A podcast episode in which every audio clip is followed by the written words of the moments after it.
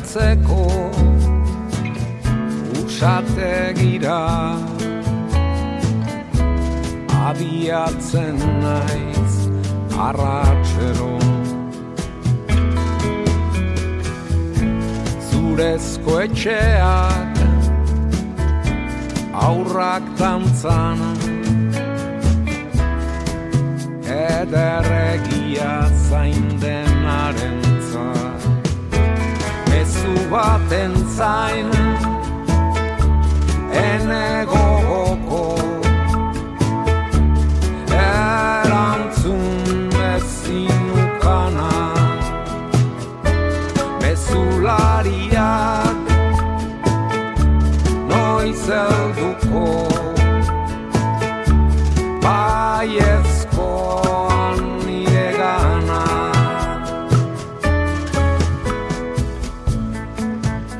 ¿Qué tal estamos? Bienvenidos a la Casa de la Palabra.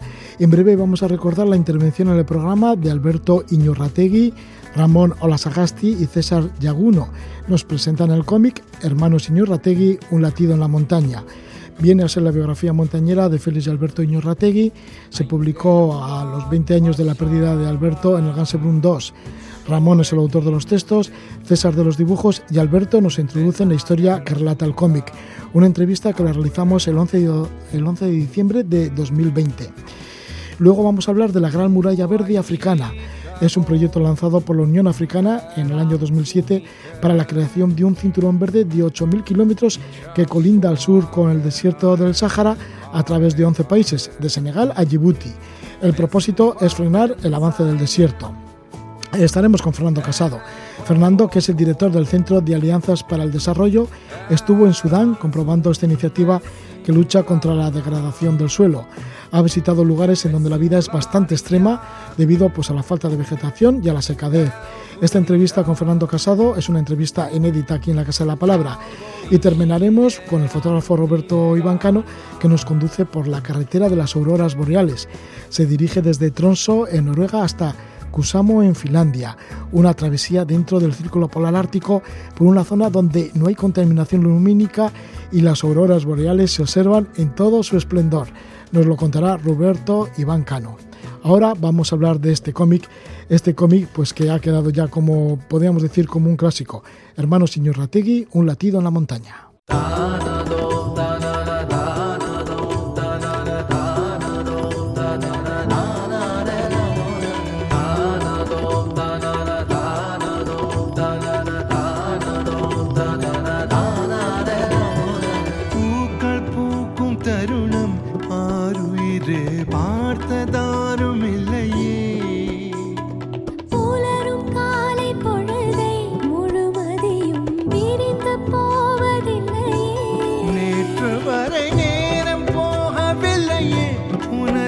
गए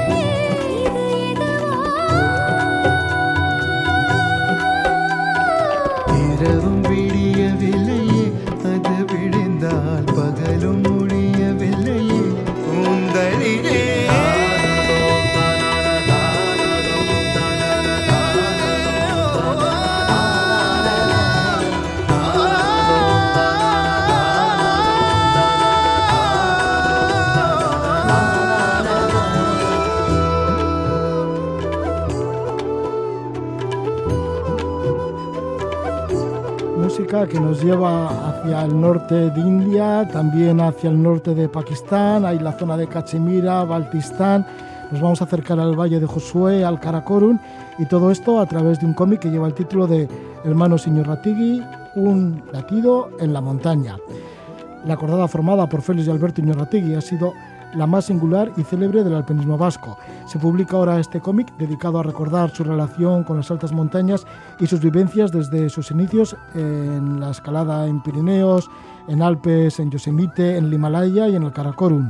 Hace 20 años que Félix Iñorrategui nos dejó en un accidente tras alcanzar la cima del Gassenbrunn 2, su duodécimo 8000, y aparece este cómic cuyo autor del guion y los textos es el periodista de montaña Ramón Olasagasti. Le damos la bienvenida a Ramón Gabón. Ramón Roge. También tenemos con nosotros a César Yaguno, que es el autor de los dibujos. Eh, hay que decir que el color es de Felipe H. Navarro. Y estamos con César Yaguno, que nos visita. César, Hola, Gabón. ¿qué tal? Muy bien. Y también tenemos con nosotros a través del teléfono Alberto Iñorategui, protagonista junto con su hermano Félix de este cómic Un latido en la montaña. Alberto, Gabón. Gabón. Bueno, pues Ramón, que este libro viene a ser el segundo cómic de una colección sobre los hitos del alpinismo vasco que edita SUA y el Mendifil. Sí, el primer libro llevó el título de Everest, Expedición Vasca 1980, todo un pueblo en la cumbre.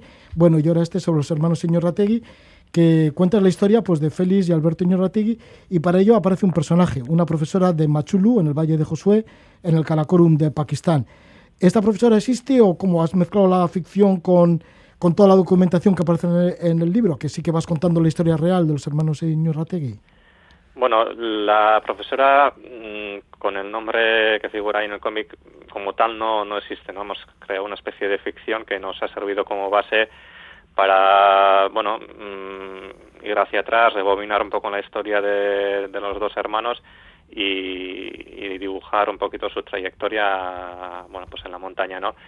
y a la vez eh, bueno mm, no queríamos o bueno no quería particularmente quedarme solamente en los hitos deportivos o en los hitos digamos de, de cumbre de montaña sino también quería reflejar un poco el modo de vida de, aquella región de aquellas montañas de, aquella gente y la labor que bueno que está haciendo Baltistán Fundación no yo creo que bueno incluso antes de la muerte de Félix y después de la muerte de Félix pues eh, la fundación ha hecho pues, un gran trabajo social eh, de voluntariado y bueno hemos querido también reflejar esa labor social no entonces eh, bueno la profesora de, de Juché nos da pie un poquito pues eh, para las dos cosas Sí, porque aparece la época de agosto de 2010, que hubo unas inundaciones en el Valle de Josué que dejaron 32 muertos. También se refleja la vida dura de las gentes del lugar y ahí aparece Alberto Iñorrategui, que va en una nueva expedición, pero bueno, que va contando a la profesora, a esta profesora, pues la historia de los dos hermanos, porque ella quiere difundirlo también entre la comunidad ¿no? de, de las gentes de Josué, que gracias a la fundación pues también están teniendo una serie de, beneficios y cambios sociales. Y Alberto, ¿cómo es la zona? Porque sí que en el cómic aparece así como, mucha dureza, ¿no? La vivir allí, en esas altitudes. Sí, el Valle de Juché se encuentra en una zona remota, en lo que fue antiguamente Cachemira, es la- el tercio que en estos momentos eh, bueno pertenece o, controla Pakistán, teniendo en cuenta que, que todavía toda esta región se, se encuentra en disputa entre Pakistán, India y China, pues aproximadamente a 800 mil kilómetros de, de Islamabad, en una zona muy montañosa, eh, con unos inviernos muy duros, con una agricultura de subsistencia, eh, con unas tasas de analfabetismo muy elevados hasta hace bien poco, eh, con eh, luz eléctrica pues todavía muy reciente, con un sistema escolar hasta el 2007 muy muy abandonado, eh, eh, poco, digamos, con poca motivación por parte de los profesor, del profesorado, o sea, en unas condiciones muy muy duras, ¿no? Y, y bueno, eh, a su vez, pues también tiene pues unos aspectos muy muy interesantes, ¿no? En cuanto a, a la propia humanidad de- del valle, ¿no? Eh, gente muy muy cercana, gente muy abierta, eh, gente muy honesta, gente que, nos ha ayudado muchísimo en la montaña, eh, no sé, de, muchísima humanidad, ¿no? Y, y eso pues nos ha llevado a, configurar aquí pues una a darle forma a una fundación y, bueno pues ya son 20 años los que llevamos eh, cooperando con, con este valle. Sí, 20 años y es y claro, todo comenzaría también la creación de la de Baltistán Fundación por ese cariño que tenéis a los porteadores y por todo lo que os han enseñado los porteadores de esa zona, ¿no? Ahí en el Karakorum. Sí, esto nace de, de la relación de, de los trabajadores de la montaña con, los expedicionarios y, y esto, pues bueno, viene de, de muy atrás, ¿no? Ya de- desde aquellas primeras expediciones por allá por los años 80, ¿no? 83, 84, cuando bueno, Quique de Pablo, Fulu, eh, Alberto Posada y más tarde José Carlos Tamayo, Juan José San Sebastián, John Lazcano y, y demás alpinistas vascos, pues ya empezaron a frecuentar el Baltoro y las, las montañas de, del Karakorum, ¿no? Y poco a poco pues fueron estrechando esas esas relaciones, ¿no? Y, y bueno, pues hasta que llegamos nosotros años más tarde, pues sobre el año 97 y bueno, pues estos nos dieron a, a conocer a, a esta gente y, y bueno, pues poco a poco pues mm, pues fuimos dando eh, bueno, mm, cogiendo cada vez más confianza, estrechando esas esas relaciones y, y bueno, pues todo esto derivó en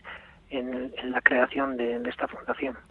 César, ¿y cómo ha recreado esas grandes altitudes del Karakorum y el Valle de Josué? Pues no está bien decirlo, pero como suelo hacer casi siempre a partir de fotos. sí, me gustaría poder conocerlo de primera mano, pero al final siempre se trabaja a partir de fotos. Y tengo además en Ramón un apoyo muy grande, me va pasando vídeos, información. eh, y me he, he seguido mucho los dos libros de los hermanos señor Rategui, el Gure Himalaya y el, el Ire Himalaya. Siempre andas ahí diciendo hasta dónde quiero seguir el libro, hasta dónde no, o quiero coger otras fuentes. Creo que he, he sido bastante fiel a esos libros. No me ha importado incluso repetir alguna foto que venía en el libro, repetirla casi en viñeta. Nunca sabes si estás haciendo un homenaje o copiándola, fusilándola, pero me han servido mucho. Sí, yo creo que te han servido bien porque te metes bastante en la historia, ¿no? Y te metes bastante en esos paisajes. Y luego Ramón, pues también recoge los inicios de los hermanos señor Rategui, cuando eran jovencísimos, ¿no? Y se iban al Pirineo o con un Dian 6 se acercaban a los Alpes y ya con el tiempo, que todavía eran muy jóvenes, se fueron a escalar a Yosemite, en California. Eh, sí, pues eh, Alberto siempre dice ¿no? que su mayor hazaña fue esa, ¿no? con veintipocos años eh, bueno, pues haberse calzado la mochila y irse al Himalaya, ¿no? al Pumori. Bueno, y recogemos en unos breves, breves trazos también pues eh, esos prolegómenos ¿no? de, las primeras salidas a, los Pirineos, a los Alpes, eh, y aquella primera salida también más allá del, del océano a Yosemite, ¿no?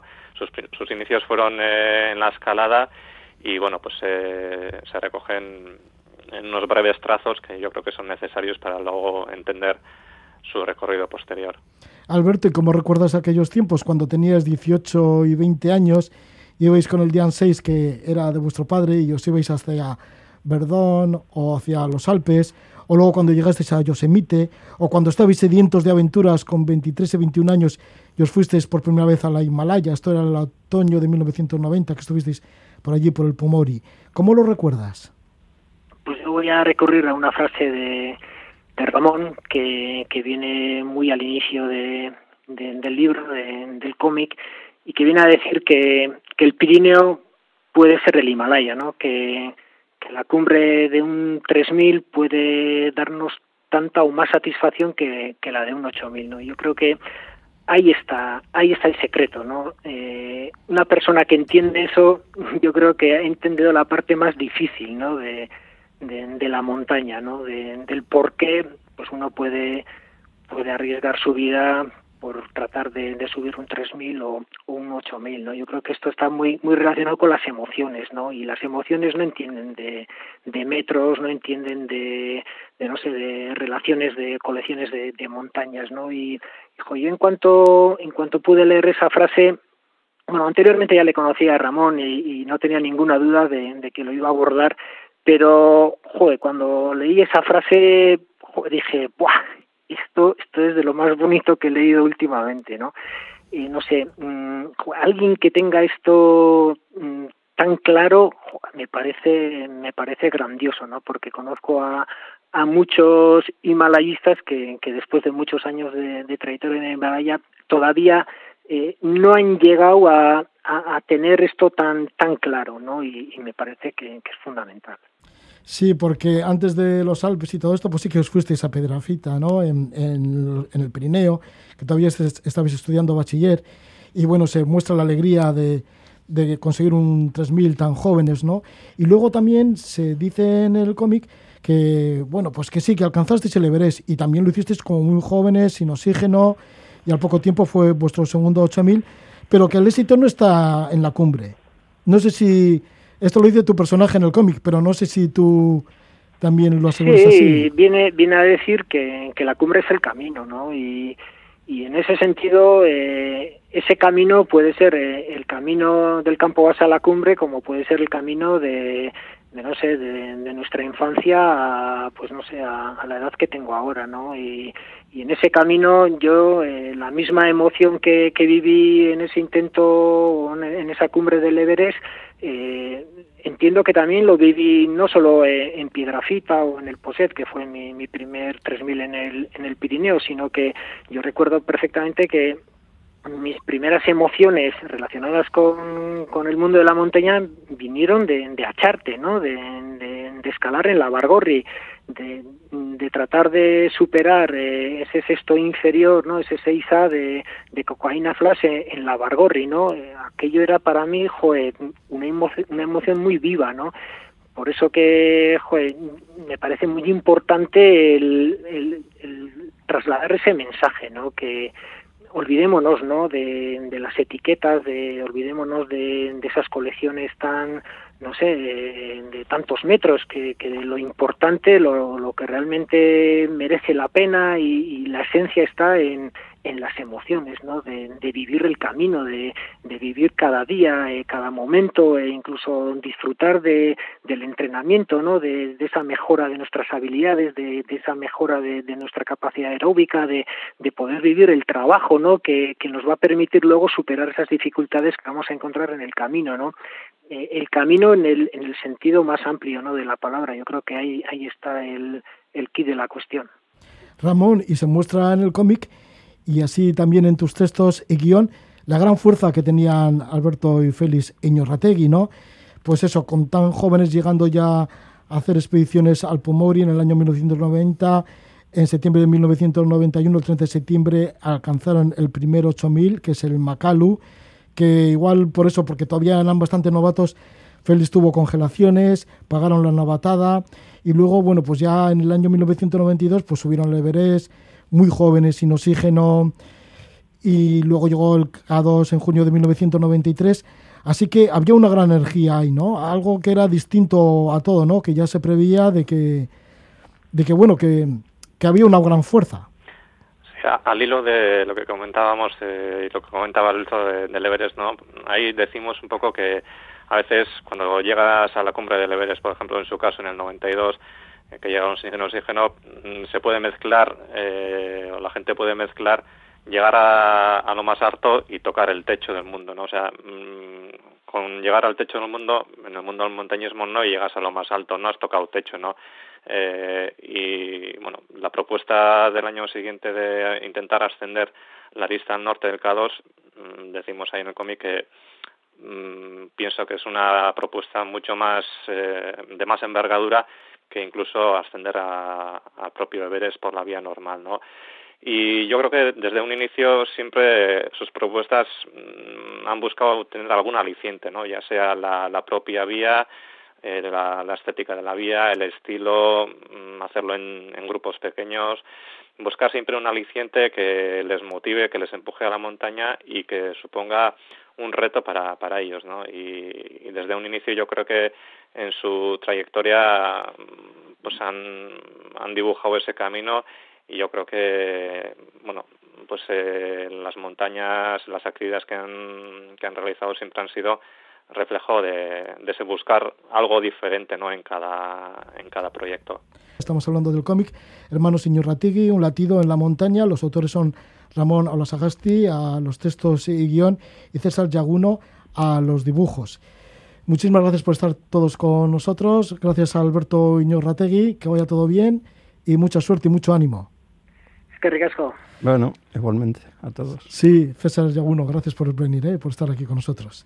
Y también muchísimas gracias a Ramón Olasagasti. Es que ricasco. Es que ricasco. Suerte a todos. Agur. Agur. Es que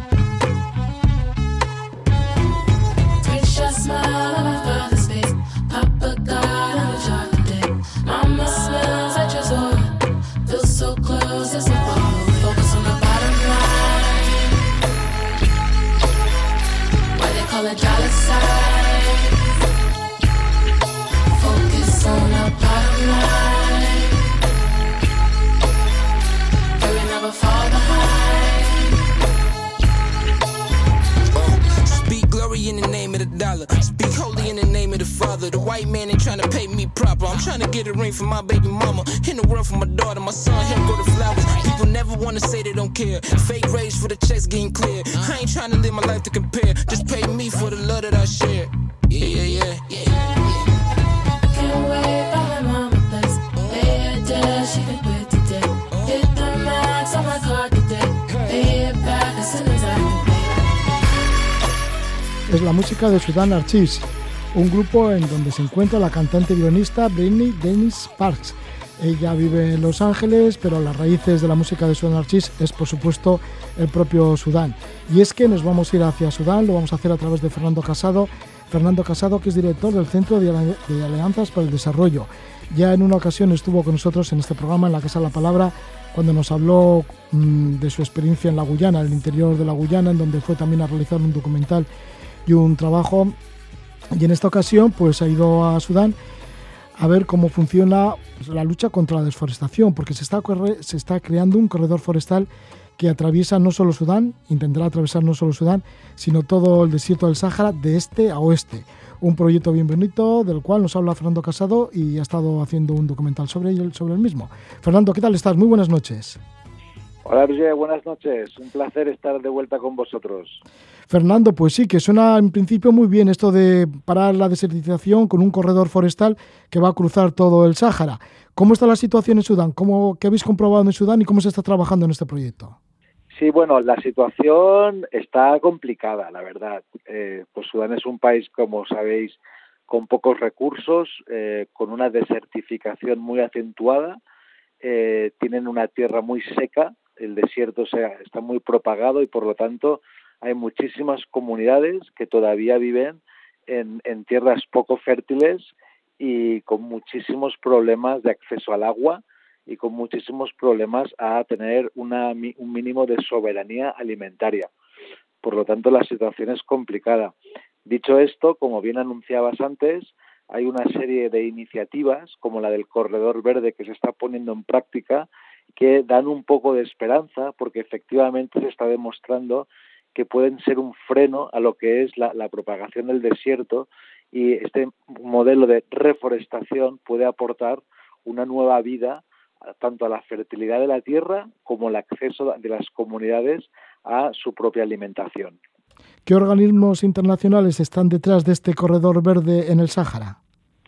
Bueno, la idea surge eh, a través del Banco Africano de Desarrollo, de la Unión Africana, viene de, de lejos, eh, como una especie de, de- de sueño, de utopía, inspirada un poco en, en 1954, el, eh, se, se intentó proponer una especie de, freno en lo que era originalmente en el desierto de Chad. Eh, luego quedó el proyecto un poco congelado y ahora se ha retomado con, como tú decías, organismos internacionales y el Banco Mundial, organismos de Naciones Unidas, la FAO y los bancos de desarrollo como el Banco Africano, etcétera, eh, han puesto financiación, que es al final lo que garantiza un poco su puesta en marcha. Actualmente eh, se ha inc- incluso creado una nueva agencia, que es la Agencia Panafricana para la Gran Muralla Verde de África, en la que participan eh, países como Burkina Faso, Djibouti, Eritrea y Etiopía. Están también Mali, Mauritania, Níger, Nigeria, Senegal, Sudán y Chad. Y la idea, como también apuntabas, era cre- es vaya crear una cordillera entre África del Oeste a África del Este, justo eh, al acabar o, en, en la frontera del Sáhara, para frenar la propa- propagación del desierto hacia el sur. Fernando, ¿y qué habéis encontrado sobre el terreno allá mismo en Sudán? ¿Qué signos hay para la creación de este corredor verde? ¿Se están plantando árboles? ¿Se está creando ya alguna zona que da mm, idea de lo que puede ser este corredor verde en Sudán? Pues efectivamente, sí. De hecho, estuvimos filmando lo que se está plantando, por lo tanto, se está ya poniendo en marcha.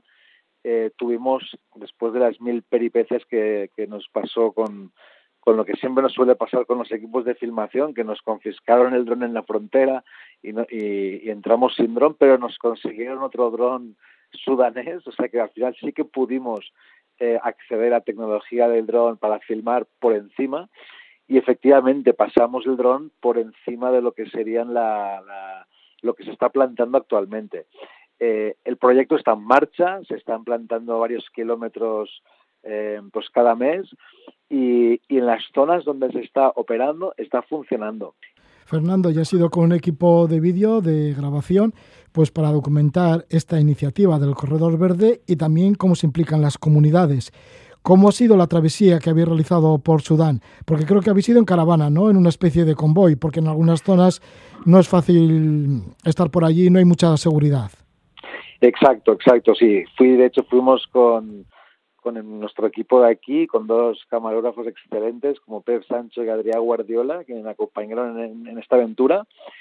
Y partimos de Jartum, eh, íbamos con un equipo local, de, de- guías locales y eh, con seguridad, también dos coches de, de seguridad del gobierno de Sudán pero a medida que íbamos pasando por diferentes comunidades, por ejemplo fuimos a Wat Madani, por Senar, Rabak, fuimos hasta el Obeid y eh, seguimos hasta en Nahut, pues en, cada comunidad por la que íbamos pasando se iban juntando diferentes diferentes coches al convoy eh, que eran la seguridad o los, los, policías de seguridad de cada una de las regiones que operan de manera bastante autónoma. Por lo tanto era casi cómico que al final pasando el Obeid pues éramos un convoy casi de ocho ocho cuatro por cuatro que parecía que, que íbamos ahí con todo terrenos no como un pequeño ejército. Eh, pero bueno dicho esto he de decir que a nosotros concretamente nos trataron estupendamente.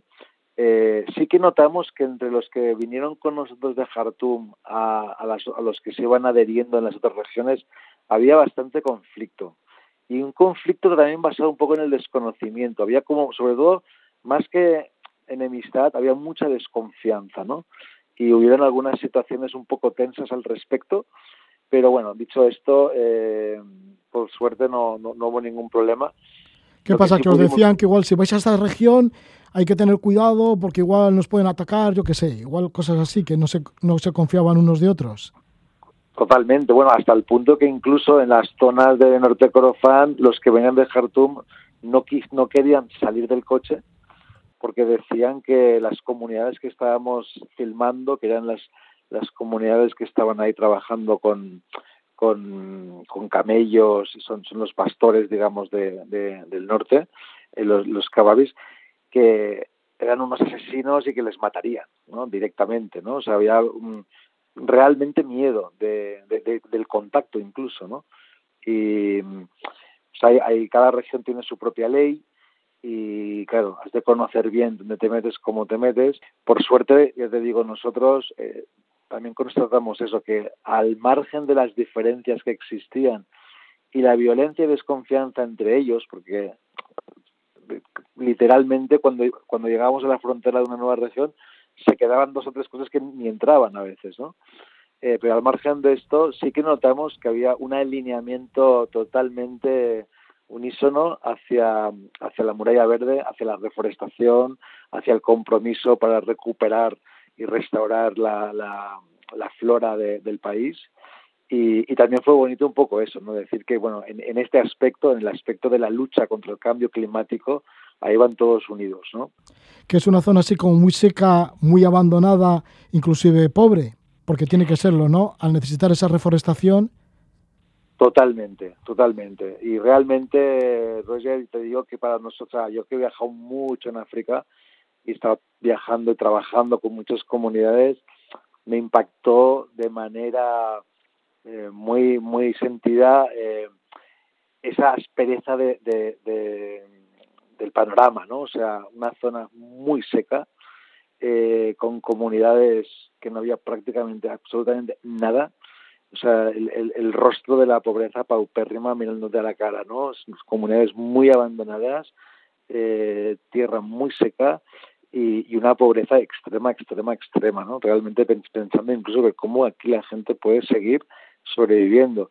Y la poca agua que había, pues también estaba contaminada. Y no era el tema del documental, pero sí que salió mucho, porque cuando les entrevistábamos, pues decían esto, ¿no? Que hay una gran mortalidad infantil, sobre todo debido al agua, y no pueden hacer nada. O sea, al final, por mucho que la hiervan y tal, acaban teniendo que beberla y saben que sus, sus hijos están muriendo por eso, pero no tienen mucho más remedio, ¿no? O sea, fue, fue en ese aspecto fue duro porque es, al margen de lo mucho que viajas, de repente llegas a un sitio y te das cuenta eh, la gran miseria que hay y viniendo del desarrollo, pensando realmente con poca inversión pública, con poca inversión internacional, se podría ayudar mucho, al menos salir de ese estado de, de, de, de emergencia, de, de, de pobreza, ¿no? de, de sistema de vida.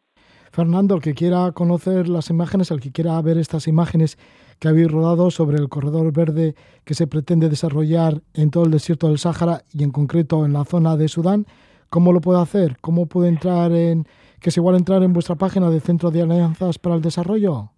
Sí, bueno, no, nosotros somos eh, una consultora que la página web que mencionas es GlobalCat, eh, Global CAD final, globalcat.org, pero todas nuestras nuestros documentales están a través de nuestro portal de documental que es CAT Productions, cadproductions.org.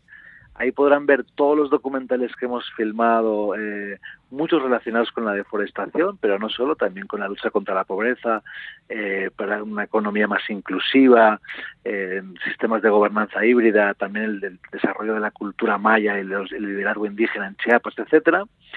La, específicamente el documental de Sudán y a través de, nuestras plataformas de redes sociales, en Facebook, LinkedIn, que está todo ahí en la web, es totalmente de acceso abierto y la gente lo puede, puede acceder a él, no solo para verlo, sino lo que, por la razón por la que la gente usa mucho nuestros documentales, para compartirlo en, en universidades, en clases académicas y de interacción, de como es como una herramienta de educación y de formación para que aumente la concienciación de, la ciudadanía hacia, estas regiones y hacia estos problemas tan serios. Muchas gracias por estar con nosotros, Fernando Casado, director del Centro de Alianzas para el Desarrollo, por habernos hablado de este corredor verde que se quiere crear por el desierto del Sáhara, de este a oeste. Habéis estado en la zona de Sudán y habéis vivido un poco la experiencia de recorrer estos territorios tan áridos, de poblaciones pues que no tienen mucho contacto ¿no? con otras realidades y bueno, pues ahí estáis un poco dándolo a conocer. Que vaya todo bien, Fernando, y hasta una próxima. Muchas gracias y sobre todo gracias por dar difusión a estos temas que no siempre es fácil en medios tradicionales y agradecemos mucho vuestro interés y vuestro apoyo siempre.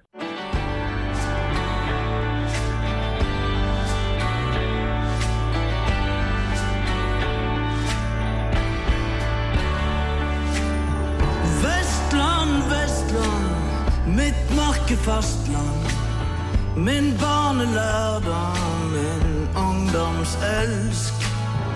Vestland, Vestland, mitt alt følg på plassland. Jeg kan framkalle deg for hvor som helst. Jeg har gått langs dine fjorder. Jeg har stått på dine snødekte fjell. Jeg har sett himmelen, jeg har sett jorda. Vakreste havet ditt likevel. Vestland, Vestland, mitt bruk- og kastland. Med borger og pengesyk. Vestland, Vestland, mitt vakre kontrastland. Hvor enn jeg reiser, kjem jeg deg jeg Kanskje for mitt indre. Jeg kan høre deg hvor enn jeg fer. Den smerta fins du som du ikke kan lindre. Du gjør meg heil der det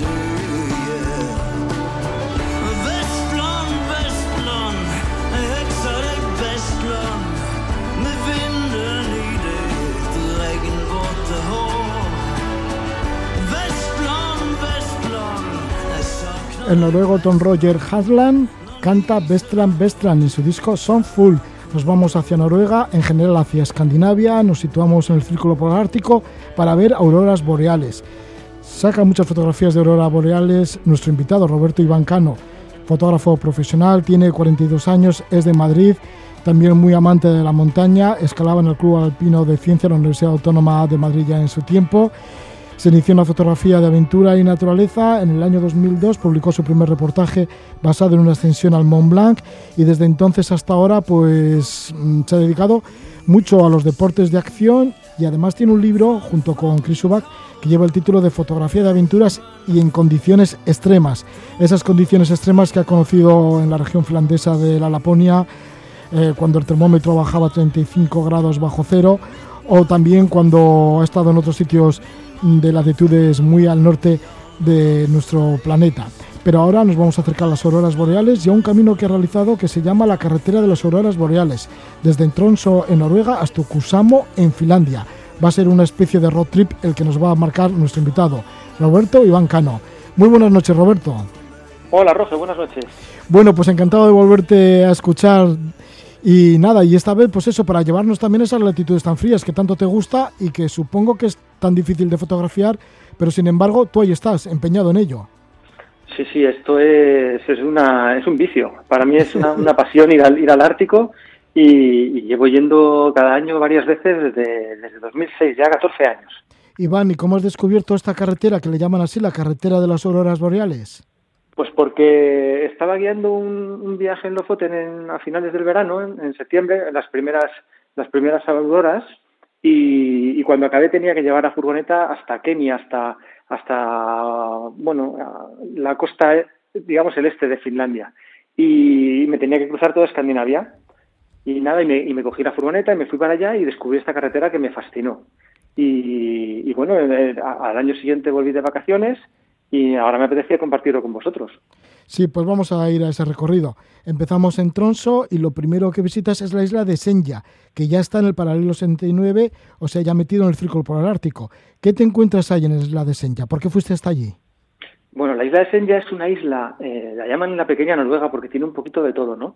Aquí me desvié del camino porque digamos que desde Tromso hasta Finlandia iríamos siempre hacia el este, un poquito hacia el suroeste, pero aquí me desvié un poquito al oeste porque quería quería entrar un poquito y, ver y ver unas montañas que hay. Eh, hay unos acantilados allí hay una montaña muy famosa que es la Segla Mountain está en la costa oeste y, y, es uno de los acantilados más espectaculares que he visto nunca. Mira que he ido a las Feroe y hay sitios impresionantes pero esta montaña yo creo que se lleva la palma y es un es un paraíso para los fotógrafos porque claro es que son acantilados de 700 metros que caen verticales al mar caen al fiordo y luego además allí, si eres un poco aventurero, pues puedes aprovechar, porque como hay, eh, puedes acampar, hay acampada libre, puedes montar la tienda en, en, lo alto del collado, puedes dormir allí, nadie te va a molestar, estás solo. La verdad es que es un sitio mágico y bueno, me apetecía, me apetecía contaros este pequeño secreto. Sí, tiene que estar bien esto de acampada. Bueno, la acampada libre es está bien entendida en Noruega, ¿no? No hay problema. Y, no, aquí no, sí, sí. Ya, ya. Bueno, pues estar en ese borde, en ese acantilado de 700 metros de caída en esta isla de Segla y además a la noche en tu tienda de campaña quizá pueda ocurrir una aurora boreal y es así. Pues, bueno, por supuesto, puede ser. Esa noche no pillamos, porque claro, aquí pasa una cosa. Prácticamente en estas latitudes y eh, en esta zona de, del planeta, igual que por el sur de Groenlandia o tal, eh, prácticamente cada noche se pueden ver auroras boreales. Lo, único, a ver, hay días que más suaves, días que más fuertes, hay días que, que solo la ves en la cámara, pero prácticamente cada día se podría ver. Lo único que tenemos es el problema de las nubes. Entonces, ahí, si está nublado, olvídate. Entonces, en esta, esta noche que pasamos en Segla, eh, estuvo nublado. Había las auroras boreales, te, se puede medir la fuerza que tienen, es, es radiación solar, y, y en función de la radiación que se esté emitiendo, eh, si hay mucha y es muy fuerte, puede llegar hasta un KP10, que es el máximo, o si hay muy poquita o nada, es cero, va de 0 a 10. Pues este día teníamos un KP6, el día que, de hecho, cambié todo el viaje para dormir esa noche ahí porque, porque venía un KP6 y es una, unas condiciones buenísimas que es muy difícil encontrar. Y lo único malo es que se puso a llover. Así que nada, puse el despertador a las 2 de la mañana, a las 4 de la mañana, pero no hubo forma, estuvo toda la noche nublado y es que las auroras vienen cuando vienen. Esto, Roge, es así. ¿Y no hay contaminación lumínica? Nada, es un sitio fantástico para ver. Vamos, en general en las, en, vamos, en toda la, bueno, claro, en Tromso no, porque Tromso tienes la ciudad, pero allí, si hay pueblos, son siempre muy pequeñitos. Entonces, a nada que te salgas, que te puedas coger un coche y te salgas un poquito de, de la ciudad, vas a poder tener oscuridad total y, y condiciones fantásticas para poder ver auroras. Después de estar en esta montaña, en la montaña Segla, en la isla de Senja, pues te fuiste hacia el Parque Nacional de Kilpis-Harvi, que está en la triple frontera, ¿no? Entre Noruega, Finlandia y Suecia. Sí, pues desde, desde, desde la Segla Mountain, que hemos dicho que está en la costa oeste de Senja, eh, hasta Kilpisjärvi tenemos unas cuatro horas de coche, por, más o menos. Y nada, de, ca- de camino, eh, pues vamos por las carreteras, que son bastante bonitas, la verdad, y encontraremos ahí una, hay una cascada muy bonita que viene marcada, hay un pequeño trekking, puedes bajar una paradita a mitad de camino para estirar un poco las piernas, y ya llegamos a Kilpisjärvi.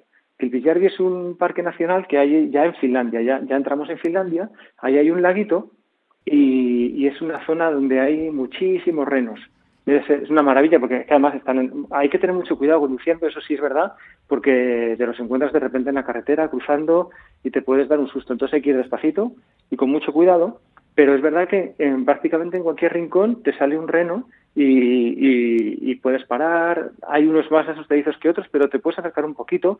Y el encanto que tiene en- a, a mediados de septiembre, que es a mí la época que más me gusta para visitar esta zona, es que es el otoño allí. Y aquí, en, en el parque de Kilpisjärvi, tenemos toda la zona de- del final de la, de, de la taiga, con abedules muy pequeñitos, que a mediados de septiembre están, están amarillos, están rojos. Es la es el, el color del otoño que que en Finlandia lo llaman la rusca.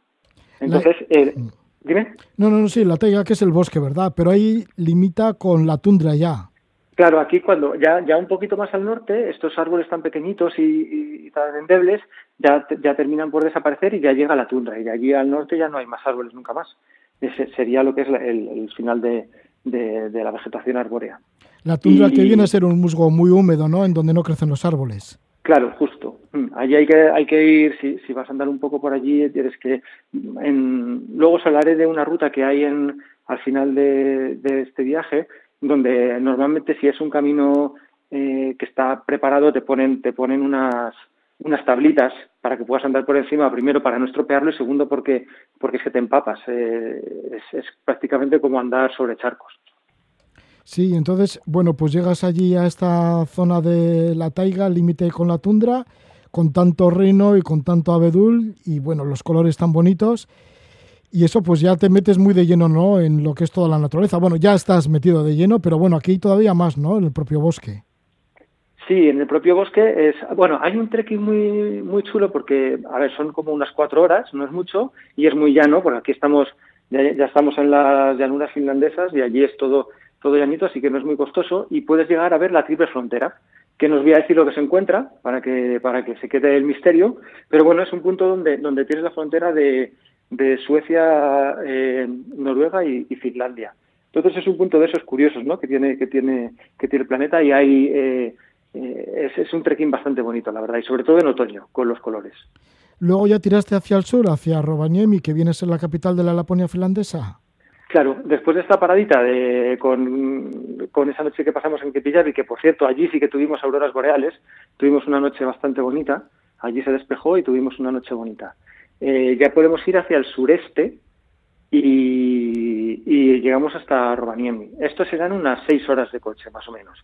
Hay que tener cuidado porque las, las eh, bueno, hay, hay renos en toda la carretera. Es una carretera muy bonita, la verdad, que merece la pena. Y lo único es eso, cuidado con los renos. Y luego hay los pueblos finlandeses siempre tienen sus curiosidades y, siempre, siempre meterse un poquito a ver qué encuentras merece la pena, ¿no? Nosotros encontramos una caravana donde hacían cafés con una señora finlandesa que era una que era una sami y, y estuvimos ahí un rato hablando con ella y tal y siempre es interesante hablar con la gente en Finlandia porque son muy curiosos. Rovaniemi, que es la cuna, ¿no? De Papá Noel. Bueno, y siguiendo por Finlandia hacia el este llegasteis a Kusamo, que ya está frontera con Rusia. Sí, en, en Rovaniemi, cuando llegamos a Rovaniemi, ahí estuvimos un poquito en la, en la, en la casa de Papá Noel, que la verdad es que es una fricada muy curiosa si te gusta o si tienes niños, si tienes peques es fantástico porque allí puedes mandar una carta a Papá Noel, puedes, de hecho está Papá Noel, puedes hablar con él, en verano no, porque está en su casa de Cúsamo precisamente, ahí no he ido a verle, pero, pero veranea en Cúsamo, y Papá Noel tiene una historia muy curiosa que luego si quieres te la cuento. Y, y desde allí fuimos a, a la frontera con Rusia, que es este pueblecito de Cúsamo, donde, donde hay una ruta muy, muy interesante que es la Carjunquierros. Es un clásico. Eh, Carjunquierros significa el círculo del oso, porque Carju es oso y Carjunquierros es el círculo del oso. Y es una ruta circular de unos 70-80 kilómetros donde puedes hacer un, un trekking y ir durmiendo en, en diferentes cabañas que tienen allí. Las tienen, son gratis, las tienen perfectamente eh, bueno, preparadas para que puedas ir. Tienes que llevar tu saco, eso sí, pero allí eh, encuentras leña, tienes sierras para cortar. La verdad es que es impresionante cómo, cómo cuida cómo cuidan allí todos los materiales, cómo cuidan la naturaleza y cómo están acostumbrados a, a, a compartir, ¿no? Allí nada, allí llegas a una cabañita de estas que están fantásticas, te haces tu leña, te haces tu hoguera, te calientas unas salchichas, que es lo, con un palo, que es lo típico en Finlandia, y, y a disfrutar, que es un bosque precioso. Debe ser así como una especie de peregrinación. Este, el Círculo del Oso son unos 80 kilómetros, una especie de peregrinación por la ruta del oso. ¿Se ven osos? Pues aquí, a ver, se podría, porque en esta zona hay osos. Lo que pasa es que es muy difícil verlos. Ellos te oyen y yo creo que aquí como, como va, como están acostumbrados a, oír gente y al ser humano, ellos siempre, siempre son esquivos. Entonces aquí es muy difícil ver osos, muy difícil, muy difícil. Pero hay. Pero si quieres ver osos, te puedes ir eh, a, eh, a Cúsamo. Eh, hay, hay una hay una, unos, eh, unos heights donde, donde tú puedes contratar una noche en unas cabañitas que tienen un lago y allí van cada tarde los osos. Allí, eh, allí hacen una cosa que en otros países está prohibido, como, como Estados Unidos o Canadá, que es ponerles un poco de cebo. Les echan un poquito de salmón, les echan algo en, un laguito y entonces eh, los osos lo huelen desde lejos. Es muy curioso porque primero vienen las águilas, empiezas, primero vienen pájaros, luego vienen las águilas, luego vienen los osos y puedes llegar a ver hasta lobos. Ver lobos es mucho más difícil, pero, pero puede ser verlos. En cambio, los osos vienen cada día. La última vez que fui, eh, llegamos a ver 13 osos de diferentes. Había, había una, una madre con cuatro cachorros. Y, y la verdad es que es, es, una, es una experiencia espectacular. Y desde ahí también se pueden ver auroras boreales, desde dentro de la cabaña. Así que este circuito, el del Círculo del Oso, de unos 80 kilómetros para hacer en cuatro días o cinco, pues viene a ser como muy espectacular todo. Sí, el, el, camino está muy bien porque, eh, bueno, está muy preparado, muy preparado, bien marcado cada kilómetro. Cuando, cuando vas por el bosque vas bien, cuando te metes en la tundra lo tienen todo, todo preparado con tablitas, de forma que no, no vas estropeando el terreno y puedes andar bien. Y, y el recorrido la verdad es que es muy bonito porque tiene desde partes partes un poquito más, más llanas y más de llanura, más de tundra, y luego te metes en el cauce del río, hay, eh, hay un río que es el que, el que hace, el que se mete luego en Rusia, en la frontera, y, y, y ha, ha, ha, esculpido un valle, y hay zonas que puedes, que subes y desde lo alto ves el meandro del río, hay cascadas, es, es, un, es un recorrido bastante bonito, la verdad. Iván, ¿y viene a ser, viene a ser caro hacer estos trekkings y hacer esta ruta que nos estás marcando desde Tronson a Kusamo entre Noruega y Finlandia? Porque se dice que Escandinavia es algo caro, ¿no? Bastante caro. A ver, Noruega es muy caro, pero es verdad que, por lo menos, a ver, lo, te lo puedes plantear de muchas maneras. Como lo planteamos nosotros, que es pues una noche en la tienda de campaña, otra noche dormimos en una cabañita. En, en la ruta del Cajunquierros duermes en las cabañas que son gratis. Piensa que, las, que los alojamientos te pueden variar entre los 60 y 100 euros por, bueno, no por persona, eh, entre los 60 y los 100 euros. Por ejemplo, en, en, la, en el pueblecito de Papá Noel, una, una cabañita para dos con sauna eh, para ti son 90 euros, no me parece tan caro. En, en, en Senya puedes coger puedes coger eh, apartamentitos de Airbnb, salen muy baratos. Yo cogí uno este, este invierno que nos salía para seis personas a 70 euros la noche, no es caro. En cambio, este, pues siempre puedes encontrar alojamientos un poquito más, más preparados o más lujosos que te puedes gastar lo que quieras, claro, pero lo puedes hacer barato. Roberto, ¿y cuál es esa historia que se ha quedado ahí pendiente de Papá Noel? Ah, eh, pues la historia de Papá Noel es que Papá Noel es, es un actor que, que, contratan, pero que, pero que vive como Papá Noel. Firma un contrato y hace una vida, de- es Papá Noel de verdad, durante unos años, y hace todas las, todas las funciones, vive 24/7 como Papá Noel. De forma que tú, si, se, muda allí, vive allí, eh, si tú le preguntas algo, siempre te va a contestar como Papá Noel porque él se mete en el papel 24/7 eh, durante varios años que dura, que dura su, su, su contrato. Y entonces es muy curioso porque, porque es Papá Noel de verdad. Pues sí, curiosidades de lo que es Finlandia, lo que es la Laponia finlandesa, en este caso en la capital, en Rovaniemi, y es que hemos hecho este road trip acompañados de Roberto Ivancano, fotógrafo profesional que tira mucho para el norte de Europa y nos ha hablado de este viaje desde Tromsø a Kusamo, desde Tromsø en Noruega hasta Kusamo en Finlandia, cruzando buena parte de lo que es Escandinavia en busca de las auroras boreales, ya que esta carretera le llaman la carretera de las auroras boreales. Muchísimas gracias por estar con nosotros, por acompañarnos, Roberto Ivancano. Muchísimas gracias a ti, Roge. Un placer volver a hablar contigo.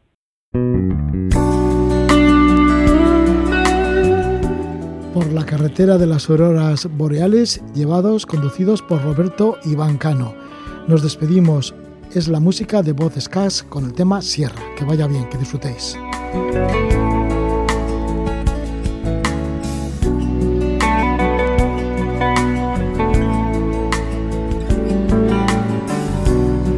What about the one who said he loved you? What about the one who said he cared? Don't bother trying to find him. Way up in the icy air. Oh, you played with his heartstrings and you played without a care. But not up in the high Sierra. You won't play as hard out there.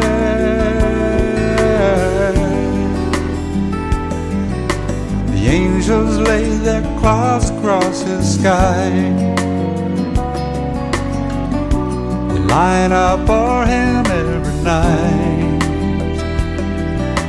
Some have wings and others sing, the rest do lazy ballets in the air. There he's got a bird to give him warning, and he's got a lookout too. Of the high Sierra. And she's looking out for you.